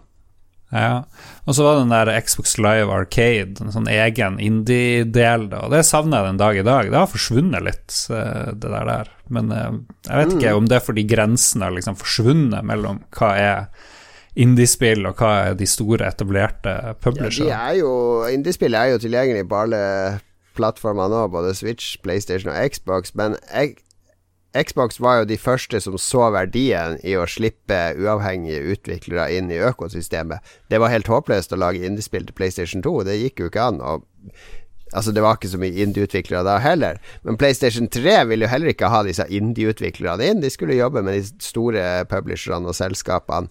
Så Microsoft sin holdning der var jo helt genial. Nesten alle store indiespill som kom på denne tida, kom jo først på Xbox, eller var delfinansiert av Xbox, eller Ja, de hadde fått Xbox jobba veldig mot uh, mange av de som skulle gjøre det stort, sånn som Jonathan Blow og Phil Fish og, og Limbo-skaperne. Alt det var jo Xbox-spill opprinnelig. Jeg får sånn god nostalgifølelse av det her. Bare tenk tilbake, tur til USA og møte han der eh, Hva heter han der som kom fra Sega? Han var jo en utrolig flink Peter ambassadør for, uh, for, Xbox 360.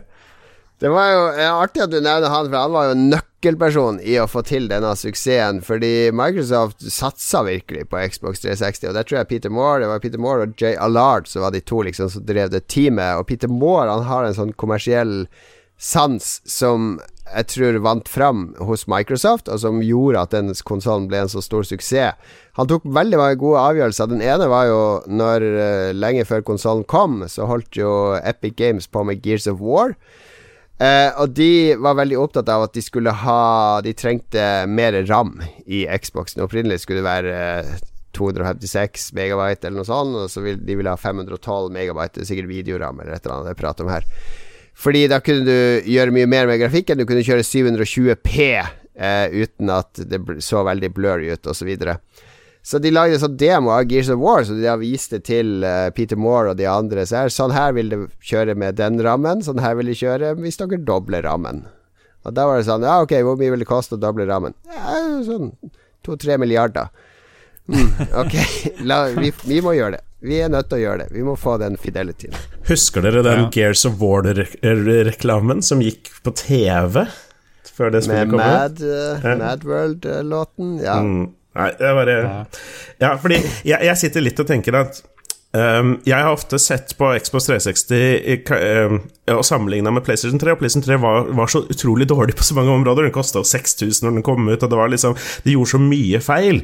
Men når jeg tenker på det, så gjorde jo Microsoft også utrolig mye ting veldig riktig. Alt det vi har nevnt nå, hvordan de bare senker terskelen for å adde venner, for å spille med de, uh, for å spille mot folk. Jeg hadde gleda meg til å spille online i alle år, fordi jeg trodde jo jeg selv var en eksepsjonelt god gamer, og så fant jeg ut at jeg, er helt, var helt grei etter hvert. Men det var utrolig kult å bare få muligheten til å gjøre det på en såpass enkel, eh, strømlinjeforma måte, og, og, ikke minst disse indiespillene. jeg bare husker at den sommeren hvor disse spillene ble begynt å rulle ut, og jeg kunne bare laste ned spill for 50 spenn, og så, og så hadde jeg en skikkelig kul, ganske unik spillopplevelse. Det er noe som går igjen med meg veldig ofte. Summer of, Summer of Arcade, tror jeg de kalte ja. Ja, ja, ja. sommerkampanjen. Ja, litt av hemmeligheten der var jo at de kuraterte, eller de valgte ut ting de visste var bra, og så ga de dem masse plass. Mm.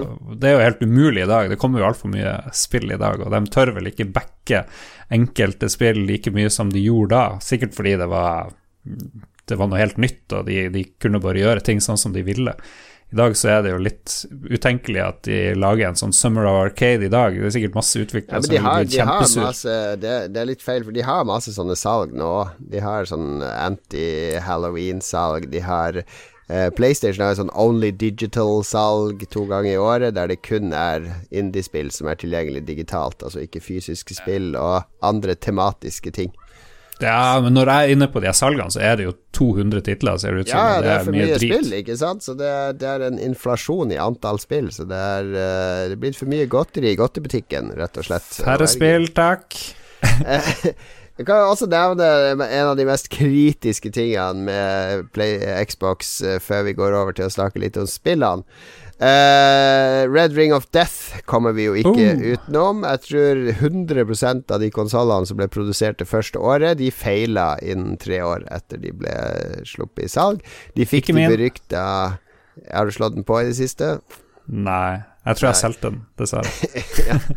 Eh, De fikk disse I stedet for de grønne ringene rundt power-knappen, så ble det en rød, røde felter der. Og konsollen ville ikke slå seg på. Eh, Microsoft insisterte lenge på at det, nei, nei, det er bare 3-5% av enhetene som feiler, men så så de på de interne tallene Oi, det stemmer ikke helt. Og så var det visstnok noen smarte ingeniører som kom fram til at eh, de, de fleste kommer til å feile av dette opplaget. De fiksa jo feilen da, så det ikke skjedde med flere, men de hadde et kjempeproblem. Fordi alle de early adapters skjønte de vi kommer til å få defekt i konsoller. Hvordan skal vi løse det her uten å miste goodwill? Jo, vi Og dette er jo unikt i spillbransjen. Vi lar Hvis du får en feil, får du et eget nummer å ringe. Du skal slippe å gå til butikken. Da får du en FedEx-pakke på døra, en tom eske, som du bare slenger konsollen oppi. Så kommer FedEx og henter den hjemme hos deg, og så kommer de hjem til deg og leverer den. Alt skal være gratis når den er ferdig fiksa. Så de, Det var det eneste de kunne gjøre for å beholde goodwill. Fordi hvis folk skulle tråkke ned på butikker med disse konsollene, så skulle de snakke med disse drittfolka som jobber i butikker. Eh, Du er ikke en av de, Philip. men, men du vet altså det er du kommer inn der sånn Ja, har du testa Skal vi se, skal bare sjekke at den virker. Ja, ok, jeg tar den inn her. Eh, det tar et par uker før jeg får sendt den inn, og så tar det to til tre måneder eh, mens den er på verksted. Så kom tilbake om tre måneder, så har du kanskje PlayStation din tilbake. Så det var litt sånn, ikke sant? Den der følelsen av å tape. Mens Microsoft skjønte Vi må liksom få det inn kjapt, reparere det, få det tilbake. Bruke maks et par uker på det. Uh, så, så beholder vi goodwill. Uh, og så regner de på hva kommer det til å koste. Uh, sånn cirka 1,15 milliarder dollar ville det her koste Microsoft å ta alt det her på sin kappe. Så da var det konferansemøte med Peter Moore igjen, og Steve Ballmer, som da var toppsjef i Microsoft. Han er jo en en litt sånn intimiderende, svær, svett type, så det var en sånn her ydmykt eh, Ja, vi foreslår å gjøre det her, det her, det her, og ballen bare Ja, hva, hva vil det koste? Ja, sånn 1,15 milliarder dollar. Og så var det sånn stille i tre-fire sekunder, så bare Do it! En, en svær, svett, intimiderende type. Vet du ikke hvem jeg tenker på det? Mm, Dag Dag, Thomas. Dag Thomas. Dag Thomas er ikke så svær. Mange som tror han er så svær. Han er jo han er ganske kort, han. Ja, utrolig liten, men han ser stor ut på bildet. Det er litt rart i Lolba, det, fordi folk tror at Ståle er veldig liten, men han er kjempehøy. Og så tror de at Dag Thomas er svær, men han er eh, ganske lav. Det er pussige greier, det der. Det, Så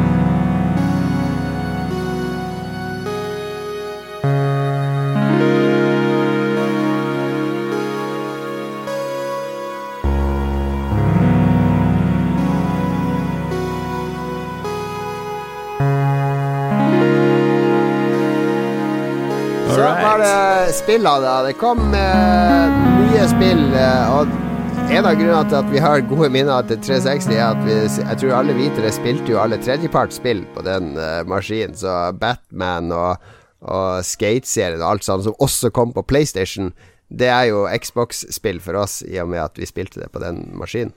Mm. Ja, fordi det, det, eh, Jeg nevnte kontrollen litt i stad, men den 360-kontrollen den standardiserte jo egentlig den ordentlig gode håndkontrollen. Den pro-kontrolleren til Switchen er jo så godt som lik. De som selges til PC, er ikke så veldig forandra fra det originale designet. Så ja, det er, det er, en god grunn til at vi spilte alle spillene på, på Xboxen. Ja, mens PlayStation tviholder på den der DualShock-stilen sin. Eh, de er vel asynkron, de der eh, stikken, tommelstikken på Xbox. De er ikke sånn på linje og, og symmetrisk. Eh, og det Jeg må si jeg foretrekker veldig de der Xbox-greiene. Ja, ja, alle gjør jo det. Det er bare Sony vet at de taper ansikt hvis de kopierer mm. Xboxer. PlayStation 5-kontrolleren ser vel litt annerledes ut, gjør den ikke det? Når jeg tenker meg om. Den ser eh, Jeg skal ikke Jeg er ikke PlayStation 5 Nei, kan ta det denne episoden. Xbox 360 viktige spill som kom, da må vi dele opp i to kategorier. For vi har jo denne indie-bølgen som skylte over Xbox, og som i stor grad var med å definere de største. Men av de store trippel A-spillene, de som man kjøpte i butikk, der var det jo selvfølgelig Halo-serien. Det kom jo Halo 3, som kanskje ikke var det beste, men Halo Reach og Halo ODST, begge de to var litt sånn kuriose, artige innslag i Halo-serien. Uh, Gears of War-serien var jo en av de som definerte Xbox. Uh, tre Gears of War-spill kom det vel på Xbox 360. Når du oppfølger til Fable, Fable 2 eh, var populært. Uh, Kinect kom og gikk. Vi trenger vel ikke å gå for mye i dybden på det. Nintendo Wii skapte jo panikk hos både Sony og Microsoft for at de gikk glipp av en svær kundegruppe, så da fikk vi Kinect og iToy. Ja. Forsa-serien. Uno var en stor slager. Jeg tok den med her oppe. Uno var veldig mange som kledde seg naken og satte på kamera og spilte Uno på nett på Xbox. Jeg gjorde ikke det. Jeg vet ikke med dere. Jo, jo. Naken hele tida. Viste stort sett penis, da. Begrensa hvor mye kamera kunne vise. Det, ja, på grunn av størrelse og sånn. Dead Rising, superartig originalt Capcom-spill på Xbox. Crackdown-serien debuterte. Amped, som var Xbox sin snowboard-serie. Det er kanskje ikke sånn der eh, Det slår meg ikke som at det er de mest sånn der wow-titlene her. Men det er fordi det vi må ned i indie-sfæren, og da kommer alt som jeg husker, nemlig Geometry Wars. Herregud, så mye tid jeg har brukt på det. Zuma, akkurat samme. Uh, Castle Crashers, Trials HD kom jo her. Peggle, Death Spank fra Ron Gilbert, uh, Monkey Island-skaperen. Bastion, Shadow Complex, Brothers A Tale of Two Sons, Limbo, Braid, Fez. Alle disse er indiespill som uh, Ja, de kom på PlayStation nå etter hvert, men de debuterte på Xbox, stort sett alle sammen. Mm er uh, sykt mye bra. Jeg husker kanskje Jeg husker Fess eh, tok meg med storm. Fremdeles mm. i sorg for at han Phil Fish, er det han heter, som ja. lagde det, uh, melta jo ned. Har trukket seg inn i en hule, driver nå og bygger bombe, tror jeg.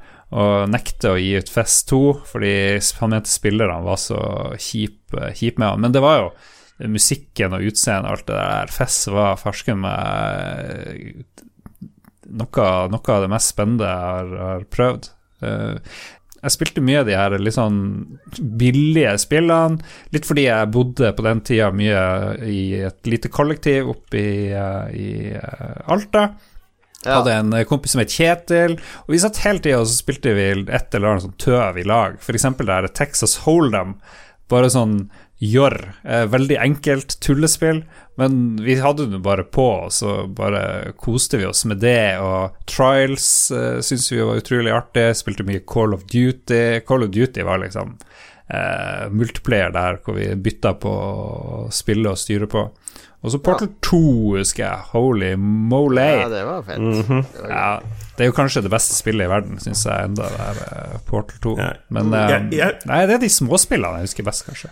Ja, eh, fordi Av de spillene som, som ble Jon Cato ramsa opp her, disse indiespillene liksom, Alle er jo kjempegode, så det er nesten vanskelig å liksom, trekke fram noen av de. Eh, jeg falt veldig for Castle Crashers. Det er bare fire, fire stykker som har lokal multiplayer, som flyr rundt og denger ting. Det var, var veldig artig. Um, eller så De spillene som ble nevnt her, med sånn som Halo, Gears of War og sånne ting de, Alt var jo så strømlinjeforma med å kunne spille online. Er Spesielt Halo. Jeg er ikke noe særlig, særlig glad i skytespill engang, men det å bare slenge seg sammen med vennene sine i en lobby var veldig enkelt, og ofte veldig moro. Hmm. Ja, nei, For meg så er det liksom de indie-spillene som jeg sitter igjen som minner. Det var det jeg brukte tid på, av en eller annen grunn. Jeg har sikkert spilt 100 timer Zuma, som er det her spillet der du skal skyte klinkekule inn i en sånn rekke av klinkekuler og få tre av samme farge ved siden av hverandre. Geometry Wars brukte jeg uanstendig mye tid på. Eh, også et ja. lanseringsspill. Det var kult. Eh, og Braid fra Jonathan Blow var jo helt magisk da det kom. Fez, samme som Lars sa, og Peggle, bare det ultimate casual-spill. Og det var det som fascinerte meg. Jeg var jo ikke PC-spiller på denne tida, så jeg fulgte jo ikke med på indie-spillene som dåna på PC samtidig. Så det var liksom min, min inngang til indie-spillene var Xbox 360. Ja. Nei, det var noe med de der småspillene, at de fikk plass, og man skjønte at verden er ikke bare sånne svære uncharted-greier, liksom. Ja, så, det, så, så, var det, det var nye, unike spillopplevelser. Liksom Bastian var det var ja, lite billig eh, og en, ja, noe helt annet enn det alle de store trippel A-opplevelsene ga meg. Selv om det er trippel A-opplevelser som kanskje sitter igjen best hos meg. Jeg skjønner, Det er nesten sykt at ingen har nevnt Orange Box ennå, som var denne Valve-pakka som ble utgitt på 360 med Half-Life 2, noe ekstrapakke, Team Fortress og det første Portal. Uh, og jeg er helt enig at Portal 2 var helt utrolig bra, men samtidig så var Portal 1 også var sånn Oi, et så enkelt konsept kan gjøre så mye ut av å være så artig. Det var uh, ja, ganske imponerende. Um, ja. Jeg lurer på om uh, Xbox 360 fikk tilbake den der gleden med å spille som f.eks. PlayStation 1 hadde, som jo var en sånn godtekiste og av bare sånn enorm kreativitet. Uh, litt sånn Det var plass til de små spillene òg der. Ja, det er en god take, fordi det var så mye å oppdage der som føltes mm. nytt og, og friskt og, og, innovativt. Så det er en veldig god take, Lars. Uh, de andre liksom trippel A-spillene som jeg husker, Mass, Mass Effect-serien var jo noe for seg selv. Assassin's Creed fra toeren og oppover. Left 4 Dead med fire player, multiplayer, ja, ja. dødskule greier. Uh, når, ja, som vi nevnte Batman i stad, når det kom ut. Også Skate, uh, som altså var skikkelig artig spill. Um, jeg husker også veldig godt et spill som het Age of Booty, som var et sjø sjørøverspill. Uh, som hadde en så lite community på sånn ti spillere som drev og spilte dette online. Uh, så det var, gikk jo veldig kort tid før jeg liksom var en del av den innerste kjernen. Uh, jeg tror jeg brukte en hel juleferie på bare liksom seile rundt i, over Xbox Live og, og leke med. Som, du bare fnyser av Ståle sin besettelse av Sea of Thieves, for du var med på prototypen Age of Booty. Ja ja, Det er der de ekte, ekte spillerne hang. Ekte sjørøverne. Arr!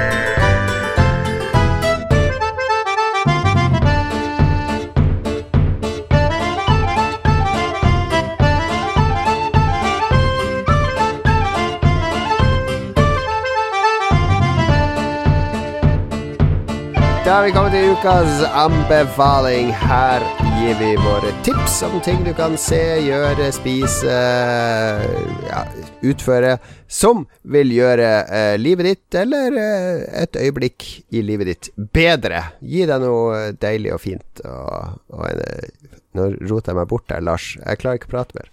Nei, du må bare holde kjeft. Ok.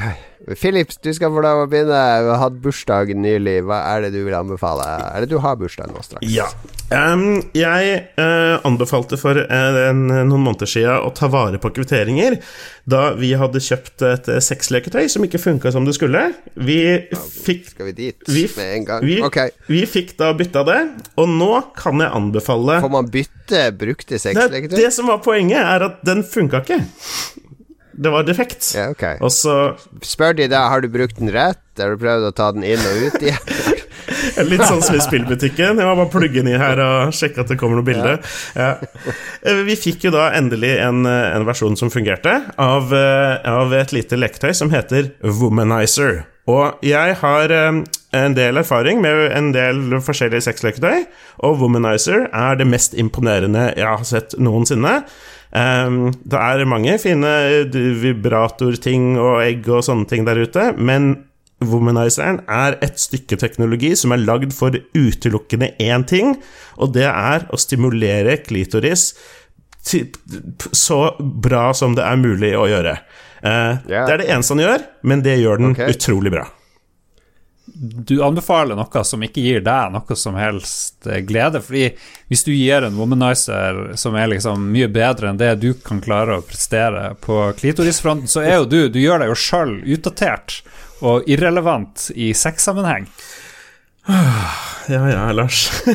ja, hvis du ikke har nok selvtillit på ferdighetene dine i senga til å introdusere et sexleketøy eller to, så er det jo, men liksom, kjedelig. Hva er gøy for deg med at hun ligger og har seg med et sexleketøy? Det er jo det samme som å si hva er gøy med å gi oralsex? Det er jo det beste som fins, er å titte opp og se ja, men på Da er jo du med. Du driver jo ikke Eller driver du og kontrollerer denne womanizeren? Eller liksom, hvordan fungerer det her? Hva får du ut av det? Jeg får ut av at den partneren jeg er sammen med får masse nytelse som jeg er, som jeg er en del av. Hvordan er du del av det? Liksom? Jeg er jo der.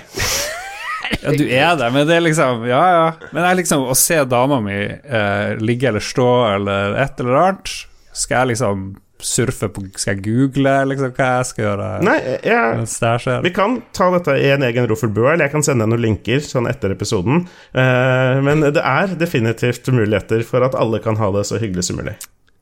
Men uh, det jeg lurer på Alle vet jo at uh, kvinnelig orgasme er jo Det, det fins jo ikke, så hva er poenget med den der womanizer? det er bare en myte, er det ikke det? Har jeg hørt. I hvert fall det kona mi sier. Oh! Få ta noen Patron-penger og investere i en womanizer, så får vi se. Nei da, nei da, vi trenger ikke noen womanizer her i gården. Uh, ja. Men du som har prøvd så mye sexleketøy, jeg, jeg, jeg, har hørt at det finnes sånne videoer på nettet sånne svære maskiner med en sånn dildo på en sånn stang som går frem og tilbake inn sånne sexmaskiner. Har du prøvd det noen gang, Philip? Uh, uh, ikke utover å være en selv, så har jeg ikke testa det sånn noe særlig. nei. det ser, det ser veldig sånn oppkonstruert ut. Nå skal jeg ligge på ryggen her og så skreve, og så skal den greia her her fære inn og ut vuv, vuv, vuv, som et stempel, liksom. Et lokomotiv. Et diger maskin som står der og dytter den inn og ut. Ja, et sånn type, en sånn type ting, litt på samme måte som disse Uh, mannlige onaneringshjelpemidlene Hva det heter Flash, Flashlight og sånne ting. Det er bare Ikke gjør deg til når du vet hva det heter. ja, ok. Uh, poenget er at de, det bare virker for, for mye jobb for for lite, ja. lite gain. Det er noen ting som bare god, gammeldags håndjager. Det funker helt fint. Ok, ok. Womanizer altså anbefales til kona. Er det noe, eh, kan du bruke den på deg sjøl i det hele tatt, Philip? Og få noe ut av det? Uh, jeg vet ikke. Gi meg et par minutter, så kan jeg teste. Men jeg har Nei, nei, nei. nei, nei, nei, nei, nei, anbefaling kjapt. Jeg så jeg ser en film nå nylig. Jeg ser, jeg ser en del film. Eh, meksikansk film denne gangen fra 2017. Heter 'Tigers Are Not Afraid' laga av ei som heter Issa Lopez, eh, som er en, eh, en dame fra Mexico. Som eh, eh, Søstera til Jennifer Lopez, tror jeg. Nei, nå er du litt sånn uh, Det er litt sånn halvrasistisk nå. Det er ikke halvrasistisk. Det aldri ikke halvrasistisk å antyde at alle latinamerikanske kvinner er i familie. Ja, nei, ja ok. Hun heter Isa Lopez. Og akkurat nå så holder hun på med en film sammen med Guillermo del Toro. Har du hørt om han? Det er broren til uh, Det er ikke Alejandro han som har laga Toro uh, lasagne og sånne ting. Lars. Ja, han er uh, en meksikansk filmskaper, og de driver og lager en uh, varulvwestern sammen nå. Så hun er litt i samme gate som Guillermo del Toro med sine filmer. Guillermo del Toro sine filmer, for de som ikke vet, de er litt sånn de, de, bikker ofte over i horrorsjangeren, men så har de sånn eventyrkvalitet i seg. De er liksom sånne ganske mørke sånne fairytales. Altså uh, Rødhette og ulven, bare veldig voldelig og skummelt. Uh, eventyr for voksne kan du er en god beskrivelse. Guillermo del Toro. Og det var jaggu denne filmen av Isa Lopez også. 'Tigers Are Not Afraid' handler om eh, en gjeng foreldreløse barn i Mexico fordi narkobander har tatt livet av foreldrene deres eh, i den narkokrigen som er i byen. Så de må klare seg sjøl. Uh, og så har hun ene Hun har kontakt med spøkelsene til, til mange av de ofrene til narkobandene. Og tre sånne kritt hun kan bruke til å ønske seg ting med, som de da bruker i konflikten de har med narkobanden. Så det er en veldig vond og sår og seriøs film og med ganske seriøst tema. Altså det de siste ti årene er det vel 200 000 mennesker som har blitt drept eller som har forsvunnet i narkokartelloppgjør i Mexico, og utallige foreldreløse barn som er følge av, av disse konfliktene. Eh, så det er et ganske seriøst tema, men det er laga som en sånn eh, horror eh, type eventyrfilm med, med respekt for kildematerialet. Så det er en unik kombo. Tigers Are Not mm. Afraid heter filmen. Du finner den på iTunes til 49 kroner eller noe sånt, så det er en no-brainer å sette av halvannen time til uh, uh, unik meksikansk uh, horroropplevelse. Litt rart at du ikke nevner tigre med et ord i din anmeldelse her. Hva Tiger, gjør dem i filmen? Tigeren er sentral. Det er et sånn eventyr i starten av filmen om at en narkobanden de hadde en tiger. Eh, eller en fyr hadde en tiger i et bur, og så kom den narkobanden og tok han. Og så skulle de drepe tigeren, men da hadde den rømt fra byen. Så nå går lum, lusker den tigeren rundt i byen om natta og spiser hunder og katter og av og til eh, barn. Det er liksom et sånn eventyr som går igjen eh, i den filmen. Altså er det, det, er mye tigre med En veldig kul ting i den filmen er at det er mye sånn graffiti, altså tegninger på veggene. Ikke sånne veldig avanserte graffiti-graffiti, men mer sånne tegninger av en katt eller en tiger eller sånne strekbarn. Som ofte er i bakgrunnen i ulike scener, og som bygger opp under scener. Når de snakker om tigeren, så er det sånn tigergraffiti bak de på veggen, og sånn, så du nesten tror skal bli levende eh, når som helst, den graffitien. Er det bengalske eller sibirske tigre? Eh, det er uh, En tiger på tanken. Det er han der uh, Han Esso-tigeren, husker du han? Ja, Tony okay. Ja, Tony. Han der i frokostdagen. Kellogg's, uh, ja. It's her jeg ikke flere tigerrelaterte spørsmål. Nei, da kan du gå videre til din Hva er det nå du Åh, oh, det har Lars skrapa. Han har vært nede i bunnen av anbefalingstønna og funnet Kom igjen, da. Server det. Okay. Jeg drev og gikk tur her i går, faktisk. Ah, ja, Følte jeg måtte ut. Det åpner bra. Ja. Jeg måtte ut i verden, og så tenkte jeg ok, jeg går opp til Musvannet, en sånn helt standard tur, men så kom jeg over et skilt eh, som viste en ny vei. Så tenkte jeg ok, får bare gå en ny vei, for jeg er jo glad i å gjøre de samme tingene hele tida. Jeg liker trygghet, jeg liker ikke å oppleve nye ting egentlig ofte eh, litt sånn konflikt inni meg. Jeg har jo lyst til å oppleve nye ting, men så har jeg liksom den her generaliserte angsten gjør at jeg har lyst til bare å holde meg til det trygge, egentlig. Så jeg må liksom kjempe litt med meg sjøl for, for, å reise nye plasser og sånne ting. Eh, så jeg fant ut ok, vi, vi, er litt crazy, vi går en ny sti her oppe i lia. Og, og så bare åpenbarte det seg så bare åpenbart det de vakreste omgivelsene ever. Litt sånn etter å ha gått i, i, bratte bakker og full av trær og sånt, så kom det en sånn steppelandskap med, med liksom, Jeg ble minnet om eh, Ghost of Tsushima, hvor du kommer inn i nye områder hvor gresset driver og vaier, og det er litt sånn åpent og fint, og god utsikt og sånn. Og det, den opplevelsen fikk jeg da ved å gå, gå, en ny sti. Så jeg tenker de, veldig mange går sikkert liksom de samme, samme turene sine, eller samme områdene og sånne ting, når de nå skal ut og trene litt og sånn. Men eh, Så min anbefaling er å bare ta de der eh, pilene som peker en helt annen retning, og bare se hva som skjuler seg der. For det, det ga meg en god, eh, god opplevelse.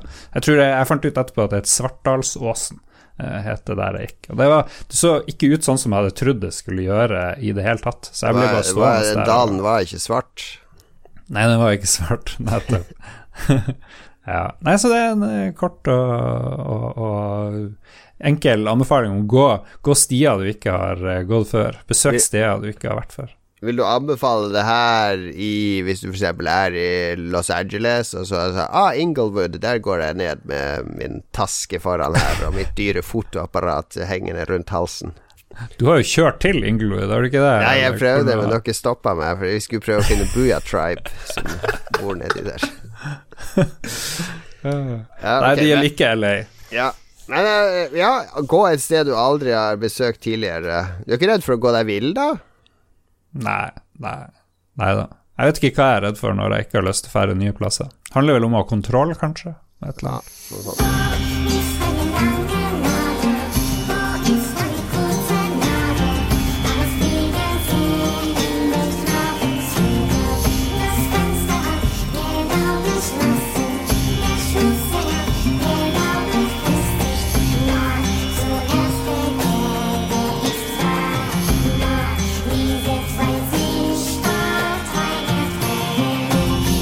Da Dessverre så eh, Lars hadde glemt å si fra eh, til lytterne at vi skulle ha sending, så egentlig var det ingen lytterbidrag, så vi kunne avslutta her, men så eh, klarte du å presse ut noen lytterbidrag likevel, Lars. Ja, jeg tenkte Folk elsker jo Xbox 360. Det har vært litt kjipt å ikke inkludere lytterne i det, da. Så Ja, og så har du selvsagt tatt med de fra forrige episode, som du lovte vi skulle svare på i dag. Ja, selvfølgelig. Dem er Hihi. Jeg har helt glemt. Jeg begynner med Håkon Puntervall. Han er jo en retrogamer de luxe, og han lurer på hva som er vårt favoritt Xbox Live Arcade-spill. Og for han så er det Pacman Championship Edition, som han kaller Pacman Next Level Shit. Det, var en åpenbaring da det kom. Det er jo det, er jo det Pac-Man-spillet der du skal få mest mulig spøkelser til å følge etter deg, for så å ta en powerpill og jafse 40 spøkelser på fem sekunder. Det er en powertrip. Ja, hva er favoritten? Det er jo vanskelig å si. Det handler jo om, uh, om stemninga du er i. Men jeg tror Fess kommer kanskje høyt opp. Uh, Zuma. Ja, jeg har sittet og tenkt på det siden jeg leste det spørsmålet. Jeg klarer ikke velge. Det er, det er så mange som bare Jeg Trials, fordi det er bare uendelig med timer i det. Ja, godt valg. Adrian Haugen lurer på om noen av oss klarte å unngå Red Ring of Death. Uh, nei, jeg fikk det til slutt, jeg òg. Jeg fikk det aldri, så ja, det funka helt fint. Jeg måtte bytte ut noen maskiner.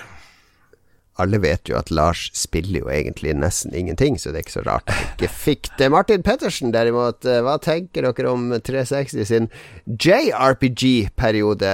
Microsoft prøvde å slå seg på den japanske rollespillbølgen med titler som Blue Dragon, Lost Odyssey, Last Remnant osv. Sakaguchi var til og med med på noen av de. Philip, du er jo vår JRPG-ekspert her. Hva vil du si? Ja, spesielt når eh, min gode venn Hironobu blir nevnt. Sakaguchi er jo eh, skaper av Final Fantasy-serien, eh, og eh, var, med, var med på både Blue Dragon og Lost Odyssey, eh, som eh, jeg spilte og likte. Eh, De var ålreite. Jeg vet ikke jeg, jeg, jeg ser hvordan det var en bølge, for plutselig kom det noen av de spillene på en gang, men det blei med den ene bølgen, så vidt jeg, så vidt jeg veit. Det er ålreite spill, men det er også ganske vanskelig å på en måte begynne å bygge et nytt JRPG-dynasti fra ingenting, holdt jeg på å si. Eh, Jeg vet at vår felles venn Magnus Tellefsen var megafan av Lost Odyssey. Det hadde han eh, tusen av tusen achievements på. Ja, ikke verst. Nei, det, det, var, det, var, det, det husker jeg godt også. Det, på en måte, ja, det gjorde litt med liksom, kampsystemet. Det var en sånn interaktiv eh, aspekt, i tillegg til å på en måte ha all den strategiske, vanlige JRPG-elementene. Husker dere også at det var eh, stor Altså, eh, World of Warcraft skulle jo komme på Xbox 360, var det jo masse som buzz om i starten av Xbox 360. Og også de der Level 5, den japanske utvikleren bak eh, Nino Kuni og eh, eh, de hadde disse Play Dark Cloud-spillene på PlayStation. De holdt på med et MMO-spill til eh, Xbox 360 som ble kansellert. Det kom ikke Final Fantasy 11 ut på Xbox? Jo, til slutt Ja, til gjorde det nok slutt, det. så jeg Jeg tror mener det. Tror det. Lars, hadde du noe å bidra med her? Ja, et spennende spørsmål er jo har, har Microsoft gitt opp Japan nå? Jeg husker da Xbox One kom, så prøvde de seg på noen Japan-greier, men nå har det vært litt sånn stille, som jeg har fått med meg da, rundt Xbox Series X og Japan. Lurer på om de bare driter i hele greia. Japan er jo totalt utdatert og avdanka. Det er bare otakus som tror at det er der det skjer lenger. Så de har nok rett i den avgjørelsen. Spiller bare Nintendo og sånne andre barnekonsoller der borte. Kina, det er jo Kina som alle sikter på nå. Japan er jo irrelevant i store sammenhengen. Ja. Um, Philip, hva sier Erlend for noe? Se for dere at dere er en del av Microsoft sin markedsavdeling, og dere, må fors og dere må forsvare navnet 360 ovenfor sjefene. Sjefene syns navnet er litt barnslig og vil ha et annet navn på konsollen. Hvilken grunn ville dere hatt for å kalle den Xbox 360? Easy. Easy. hva, er, hva skjer hvis du roterer noe 360 grader? Da er du tilbake på utgangspunktet. Ja, da har du hatt en full omdreining, som på engelsk heter Revolution! Oh. Ja, den tror jeg alle konsumerne kommer til å ta. Ja, men 360 er jo litt sånn edgy navn, da. Tenker jeg. Jeg syns det er dritdårlig navn. Jeg syns alle Microsoft-konsollene får dustete navn, inkludert de som kommer i høst. 360 betyr at vi dekker alt innenfor synsfeltet. Altså action adventure, det er 270 grader. 300 grader, det er rollespill, osv. Ikke sant? Komplett. Du er komplett dekt hvis du har 360 grader. Ja, og Xbox One var jo et greit navn, men så tulla de jo veldig til nå, da. Vet du, Xbox hvorfor de, Series X, vet du hvorfor de kalte den det, Philip? Hvorfor de kalte den 360? Ja, Nei. for da ville det vært PlayStation 3 mot Xbox 2. Alle vet jo at treeren er bedre enn toeren, ikke sant? Ja. Så, så det, det, det var derfor. De ville ikke ligge ett tall bak PlayStation. Nei, fordi jeg tenkte jo på det at Alternativet ville jo være Xbox 2, og jeg tror ikke det er så mye bedre, kanskje, enn bare 360. Nei, ja, men nå har de rota seg helt bort med Xbox Series X, eh, Pro X, eh, et eller annet. Eh, nå er det ikke mulig å henge med på hva de egentlig mener. Men det var litt sånn Jeg hadde eh, tenkt litt på disse eh, når vi snakker liksom om Xboxene. Vet dere hvor mange Xbox 360-modeller som ble utgitt? Hvor mange forskjellige? Et tonn. I start var det bare to. Det var én uten harddisk med SCART-kabel, Ja. som var den billige, og så var det den som kom med 20 gigabyte harddisk Mm, og eh, eh, bedre kabel. Tør du til? Sted Tony Hansen. Skal vi gå videre? Det var ni stykker. Ni Ni forskjellige SKUs, som det heter. Mhm. Ok, Sten Tony uh, opplevde Red Ring, of, Red Ring of Death to gang, og prosessen tok tre uker for å få en ny maskin, til tross for at det ble sendt med DHL. Han tror det hadde tatt lengre tid hvis uh, alt ble sendt med posten til Alta. Hvor er Christian når vi skal snakke om posten? Vi får ta det mer senere. Unna. Kristoffer Getterboys Hansen Leistad vil gjerne rope ut at Gears er tidenes coach-coop-spill. Hell Det var et veldig kult split screen.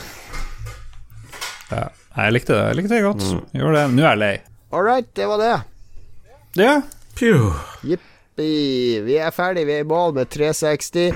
Uh, denne uka, eh, faktisk i dag, hvis du hører podkasten når den lanseres i kveld, så er det PlayStation 5-stream fra Sony. Uh, skal du streame den, Lars?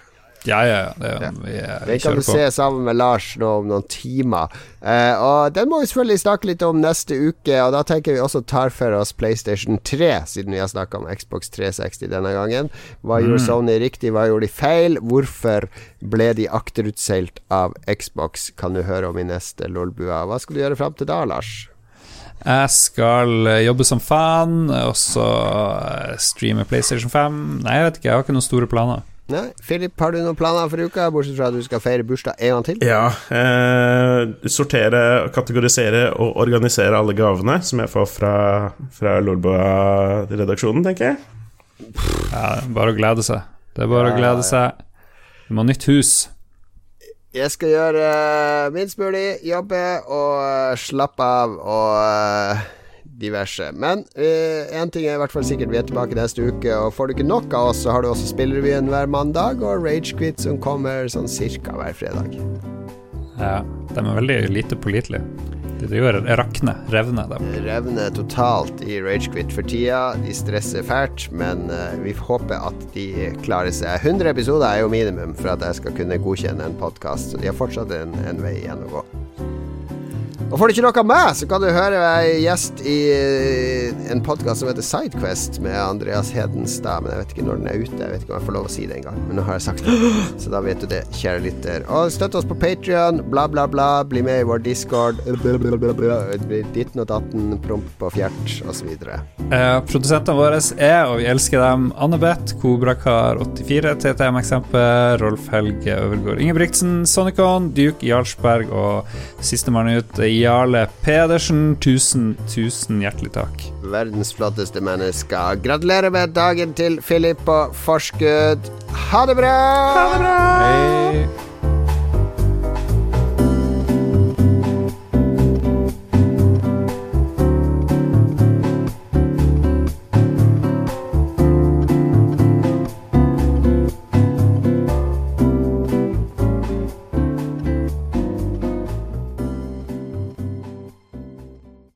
Har du et enkeltpersonforetak eller en liten bedrift? Da er du sikkert lei av å høre meg snakke om hvor enkelt det er med kvitteringer og bilag i fiken, så vi eh, gir oss her, vi. Fordi vi liker enkelt. Fiken superenkelt regnskap.